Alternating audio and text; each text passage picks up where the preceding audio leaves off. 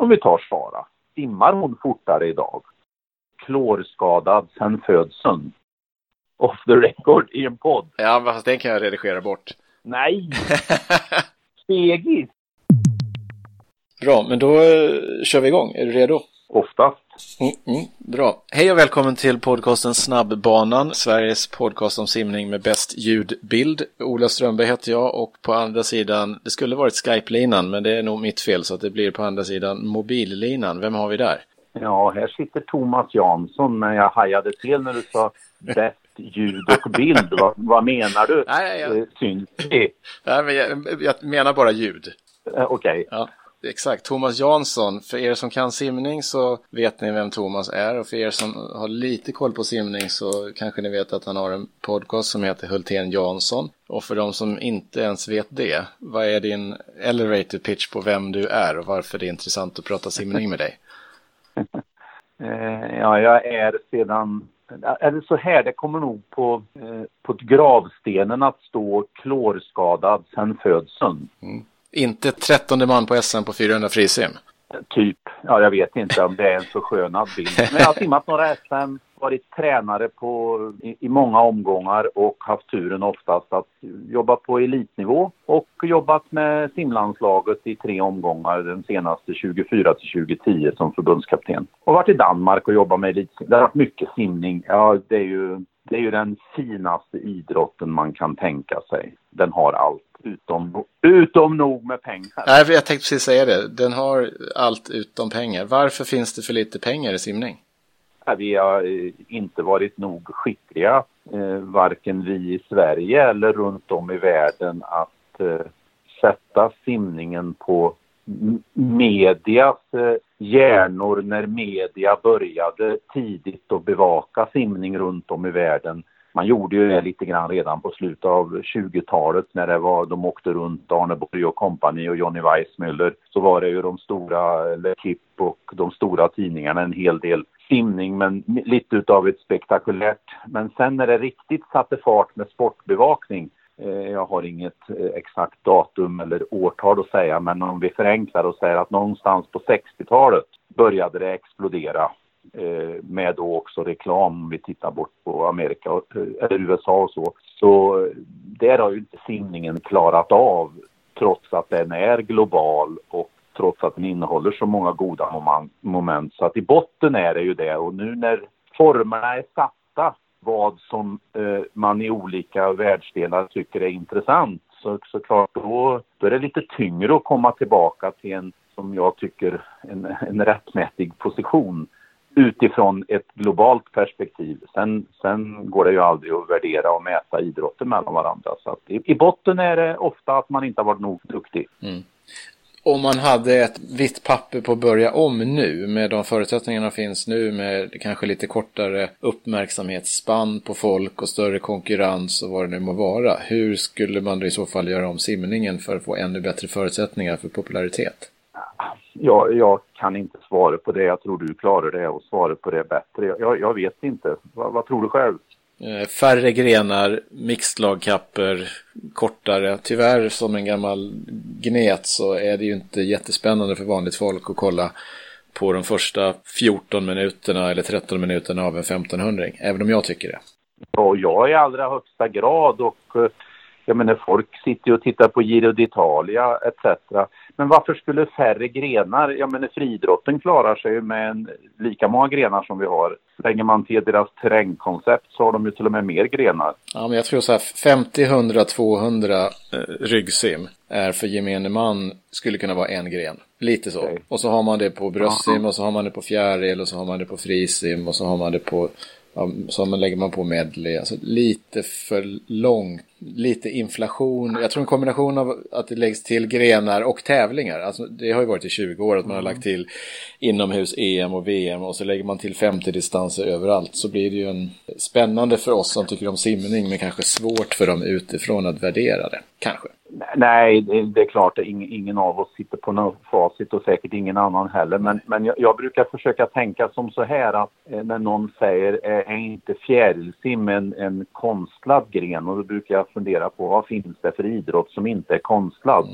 Jag menar varför hoppar man just tre steg eller ja, etc. etc. etc. i, i friidrott och tar vi, tittar man på hur energiförsörjningen ser ut så, så skulle ju till exempel många av de längre löpdistanserna kunna eh, också klumpas ihop till en eller många av skiddistanserna, många av cykeldistanserna. Så, eh, jag, jag, tror inte det är lösningen. Jag, jag, jag, tror ett annat spår som spelar roll och det är ju att vi inte har lyckats göra det till en arenaidrott. Mm. För då, då, ska, för, för då bevakar man bevakar ju ofta en arena där det är väldigt mycket folk. Ja, då blir det att bevaka det i sig blir en grej. Så att jag tror, ja, det, det, är nog många, det är många bitar förstås i det hela. Men jag gråter ju inombords när jag hör dig som då har eh, meriter på ädla distanser att till och med du tycker att man inte ska ha de längre distanserna. Jag menar, finns det något finare än en riktigt lång kamp oavsett om det är en cykel, skidor, löpning, simning, orientering där det liksom ställs krav inte bara på den aeroba kapaciteten utan du ska ha ett taktiskt väldigt Precis. väl utvecklat sinne etc. Det är höjdpunkten alltså, det är det. Ja, jag håller med. Eh, sen ett 100 meters jag har, jag har suttit live både på OS och i, på gala och sett Carl Lewis dra iväg på 10 sekunder. Men vad såg jag? 50 ryggsim, vad såg jag? Ja, man ser lite splask. Ja, men ändå fascinerar ju 100 meter löpning. Mm, så är det ju. Om man tittar på ja. just det här arenaidrott eller hitta, hitta tävlingar som kan skapa intresse. Champion Swim Series och det här nya ISL. Är det någonting som kan skapa intresse eller är det bara lite eh, tomtebloss för att se till att de stjärnorna som vill ha mer pengar får pengar nu, men det gynnar inte långsiktigt? Ledande fråga. Jag tänkte svara först, du sammanfattade ganska väl. Eh, men, men eh, alltså, ja, en, klart, en sak kan vi konstatera, hade, de in, hade inte Finas tävlingar funnits nu under våren så hade ju inte Sara synts i tävlingssammanhang. För då hade hon inte tävlat. Men det tillförde ju inte simidrotten kanske så mycket. Det, det, de var ju satta under galgen, internationella förbundet, när Eh, den andra aktören började agera och då blev det liksom den här serien och så har man redan i sitt bo ett, en dålig världscup, dålig utifrån att inte så många länder vill vara med, lågt medialt intresse och så lägger man till det här det, det är frågan det om det kommer bara bli precis som du sammanfattade att tillför lite mer pengar till dem och, och, och därmed är de lite lugnare de här stjärnorna. Mm, ja. Det är kul och bra för stjärnorna att de kan tjäna pengar på sin sport men att se fyra stycken tävla mot varandra på de här olika loppen där det då i många fall nu senast i Indianapolis var två eller tre amerikaner och sen var det en som inte var amerikan. Det är ju inte superspännande för någon tror jag inte egentligen. Nej, men då, då kommer man ju på den mer filosofiska funderingen. Hur mycket spelar det roll att vi nu är i den mediakontext vi är där det inte har byggts upp? Mm. Alltså om, om man tänker sig att vi hade varit en, en medial idrotts i, i, ett globalt medialt perspektiv, då hade vi kunnat namnen på de här. Sant. Då hade vi älskat fort de har uppträtt, för det är det vi gör i de idrotter som har lyckats med det. Vi värderar ju egentligen inte så mycket en, en, en eh, om, om, om, vi, om vi tittar på de idrottsliga, hur man ska mäta det på ett SM i skidor till exempel, men de är medialt kända och därmed blir ett SM lite intressant. Inte för att själva det de utövar skulle vara något märkvärdigt. Och jag tror det är samma om vi tar den här serien. Hade de här stjärnorna varit... Eh, det är klart att Sara är känd för oss, men för gemene man är ju möjligtvis Katinka Hossu. Och så när det begav sig för Phelps och några till. Men annars kan man ju inga internationella artister. Nej, man behöver lite hjältar och lite ja, förebilder. Det, det, det, det, tror jag. Va? Och då kommer man ju tillbaka till media och det är ju väldigt det, det är komplext alltså, mm. det är det. Hej, ett kort annonsmeddelande. Vill du ha de snyggaste och snabbaste simkläderna och bästa badprylarna? Då ska du gå in till tyrsverige.se och shoppa loss. I Sverige, eh, om man läser kvällstidningar, så stod det att den förre förbundskaptenen Thomas Jansson tycker att svensk simning borde stå i skamvrån. Förra året var det en artikel i Aftonbladet för att vi var för dåliga. Är det så eller var det en tidningsanka? Finns det något korn i det där?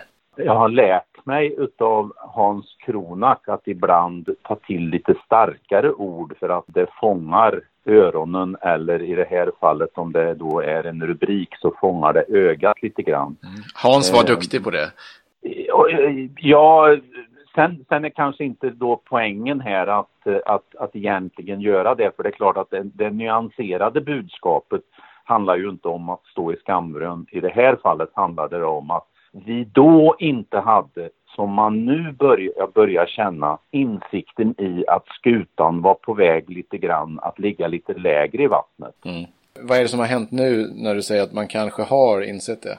Ja, jag tror det blev ett litet uppvaknande i samband med Stockholm Open. Mm.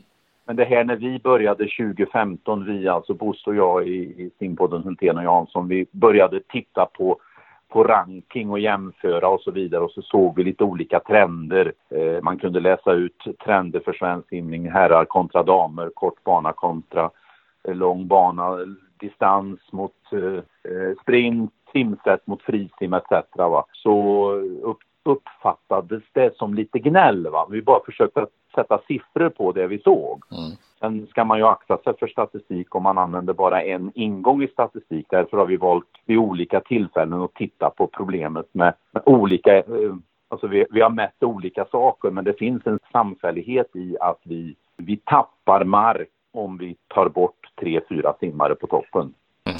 Har det inte alltid varit lite så? Att vi har haft två, tre stycken stjärnor på allt ifrån eh, Per Arvidsson och Bengt Baron och Pelle Holmertz och sen var det Holmertz igen, men Anders, Frölander, Tessan. Ja, men, men det finns en stor skillnad. Då hade vi ändå bakom så vi kunde ha lagkapper. Ja.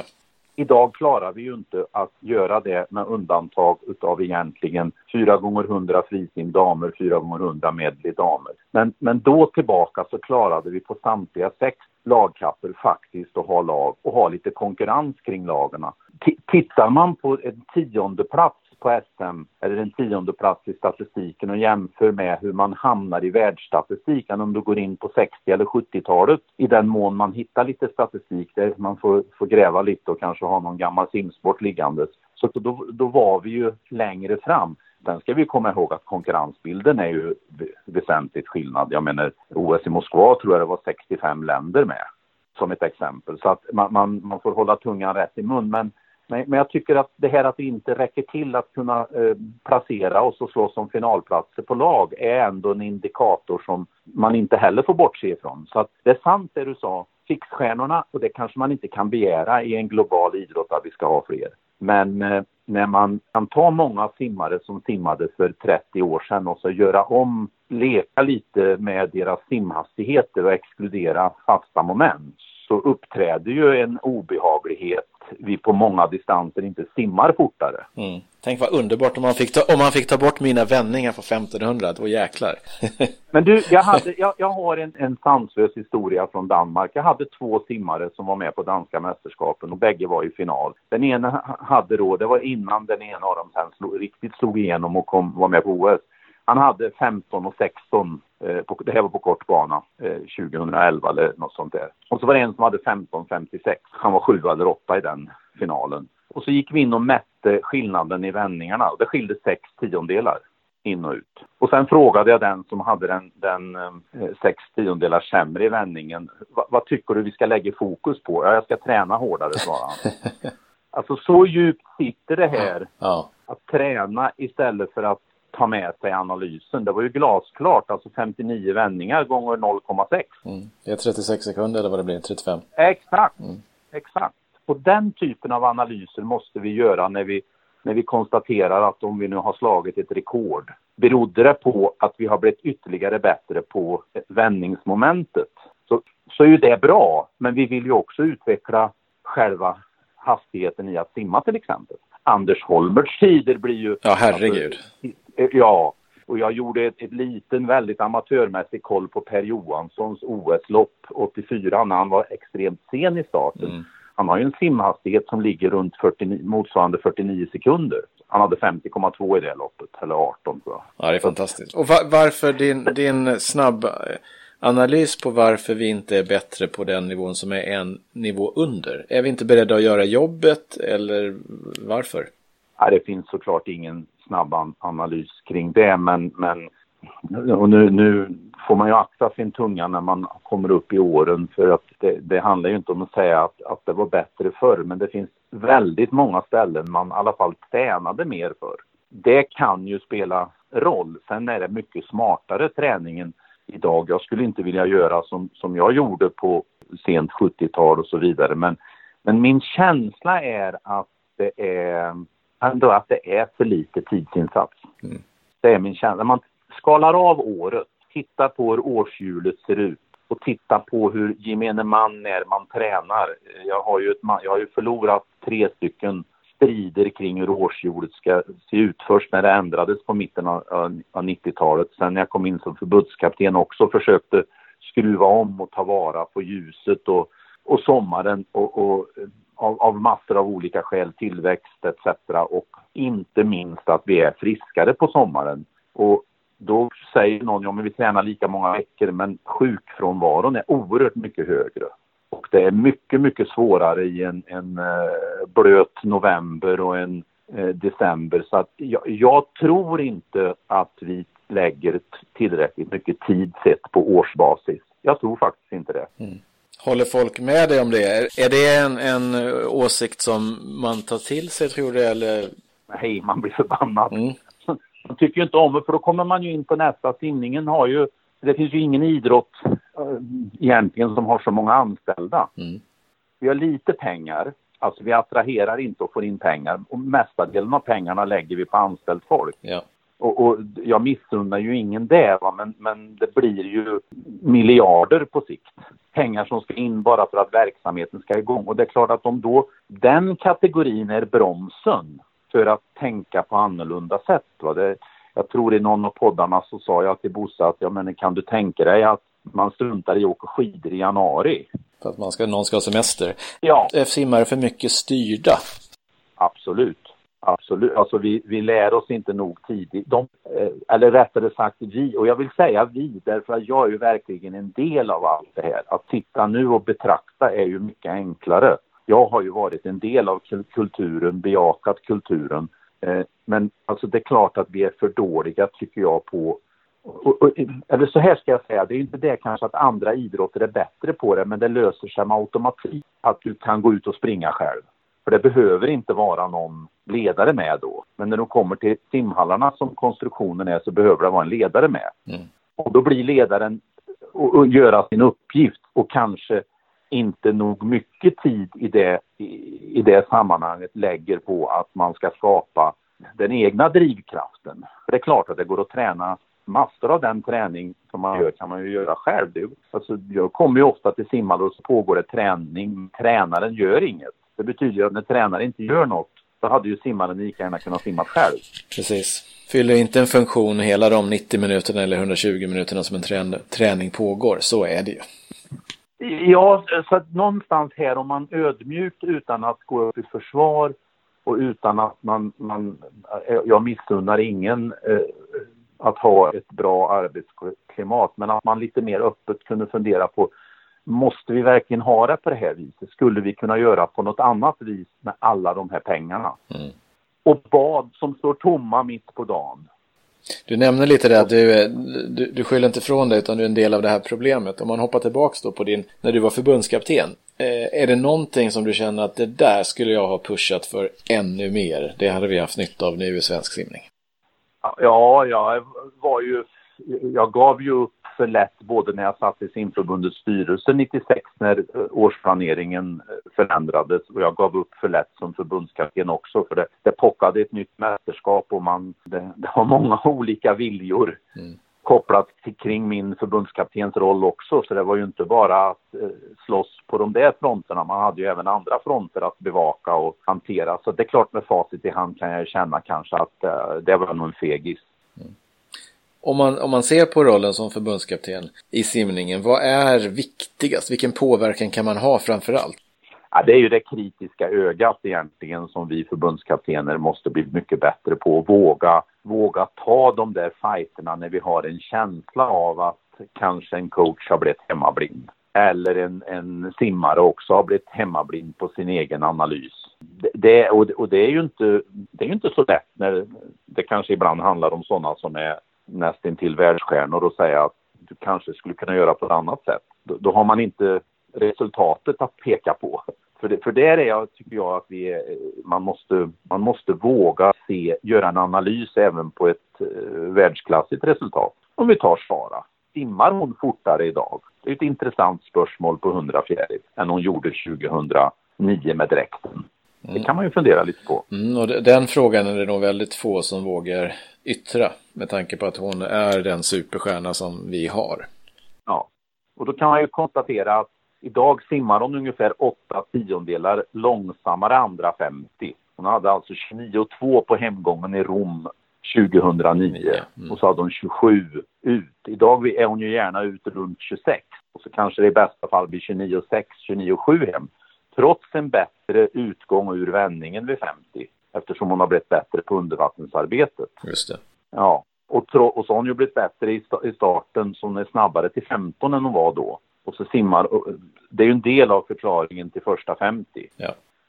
Äh, vad jag menar är att, att man, man ska, jag, jag tycker det är bra med ett klimat är att skit i om det är ett världsrekord eller vem som slog det. Titta på det som har hänt och lägga upp de olika pusselbitarna som, kan, som påverkar och så naket titta på det. Mm. Det tycker jag vi är dåliga på. Mm.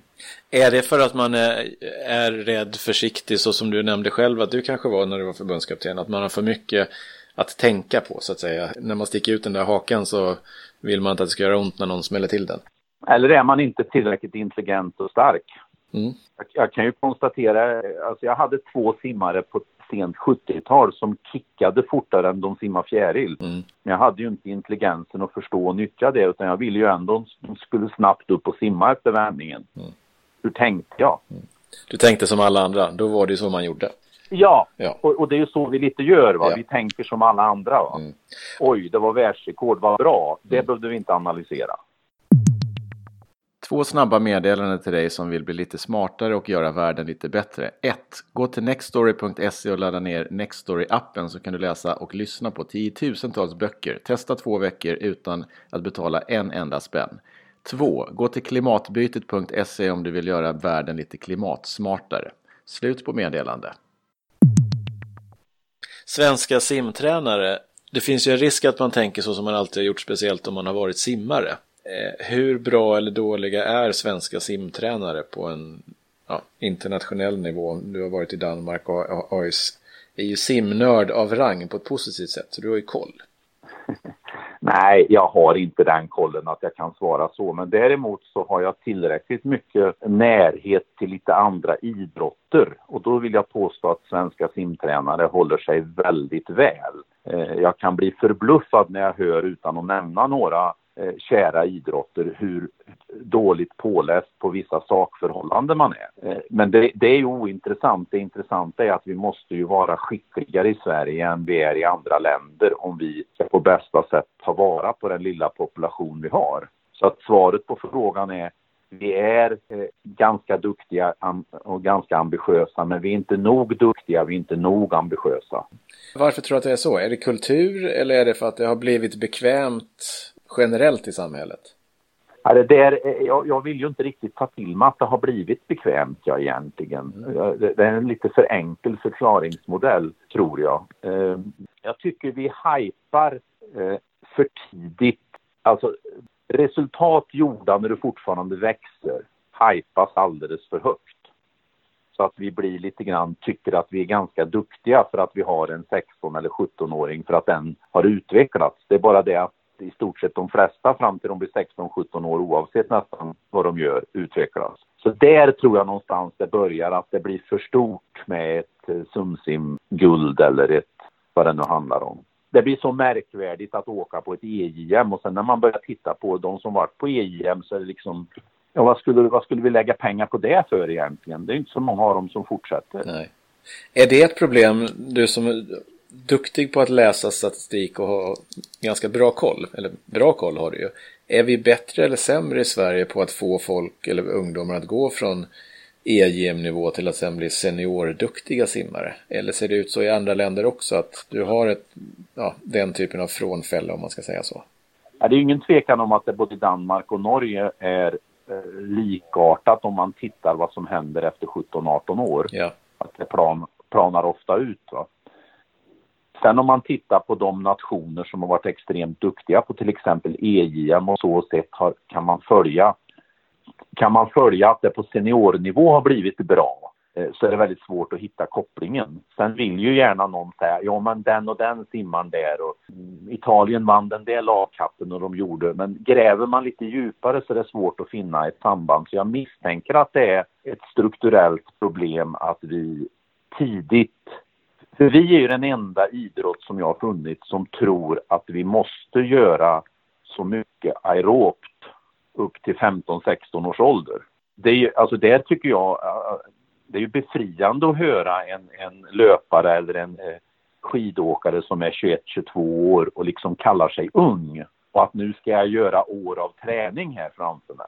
Det är ju, och de idrotterna går ju gärna upp i distans när de blir äldre. Ja. Simningen ligger ju att man måste gå ner i distans. Alltså, jag har svårt att ta till mig det att vi skulle ha rätt och de andra fel. Den blir såklart svår eftersom ja, man kan så att säga träningsdopa sig genom att trycka in mycket kvantitet när man är ung och då, då kommer ja. man ju bli bättre jämfört med de som inte lägger lika mycket tid men ja. har tankar på att göra det senare. Så det blir svårt att komma ifrån ja. den om man inte tar ett stort grepp om det, såklart.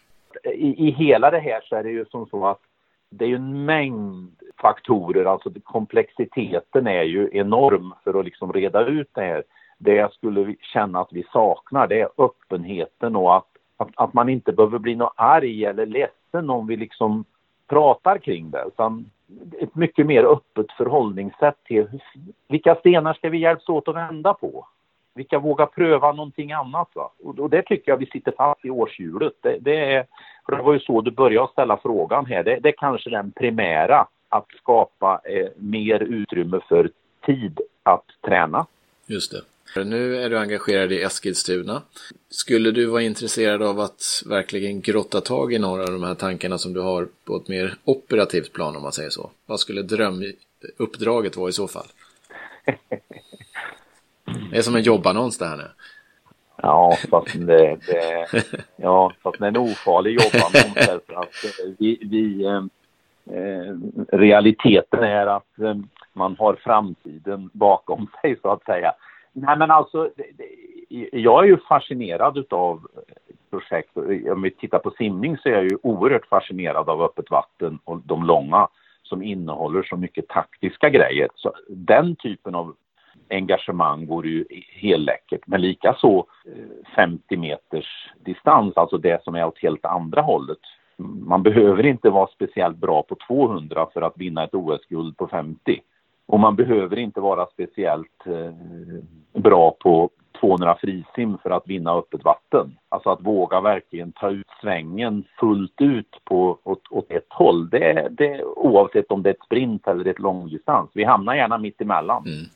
Det är enklast. Ja, men spännande. Nå, någon, någon typ av koppling till någonting där man faktiskt gräver och grottar ännu djupare i framgångskoncepten. Ja. Och där det supportas från mass runt omkring att vara bra istället för att nej, nej, nej, nej, så det kan man inte göra. Mm. Det gäller att man har någon som vågar. Ja, mm. ja. Tror du att, det kommer, tror att man kommer att våga från simförbundet framöver? Eller gör man det redan nu? Nej, men det är klart att, att alltså det, är, det är ju väldigt enkelt i en roll som en annan har att ibland betrakta någonting och så fundera på varför kommer det ut så få pressreleaser eller varför har man inte gjort si eller så. I, I realiteten så sitter ju de här människorna såklart och brottas med de här grejerna. Eh, så, så, är det ju. Men, eh, och de har svårigheten, alltså att slå hål på en kultur så de har ingen lätt uppgift, men då kan ju vi vara blåslampan. Mm. Mm, ja, men det är sant. SM i simning har ju varit som det är väldigt länge om man pratar om kultur. Nu kommer det gå i Eskilstuna där du är involverad. Ryktena säger att det ska bli det bästa någonsin, stämmer det? Det är inget rykte om vi säger vad vår målsättning är. Den är väldigt sann. Den har vi satt upp högst på agendan i alla sammanhang. Eh, så, och det ska vi verkligen försöka leva upp till och då måste ju vän av ordning fundera på hur mäter man då det? Och, och det är ju då att det blir ett antal aha-upplevelser. Hur man kan göra är ju ett sätt att mäta det. Vi tillför saker som inte har funnits på ett SM med ett annat sätt att mäta det. Mm. Är det någonting som, är, som, är, som inte är hemligt utan som man kan dela med sig av? Allt är hemligt. Ja, det är bara överraskningar.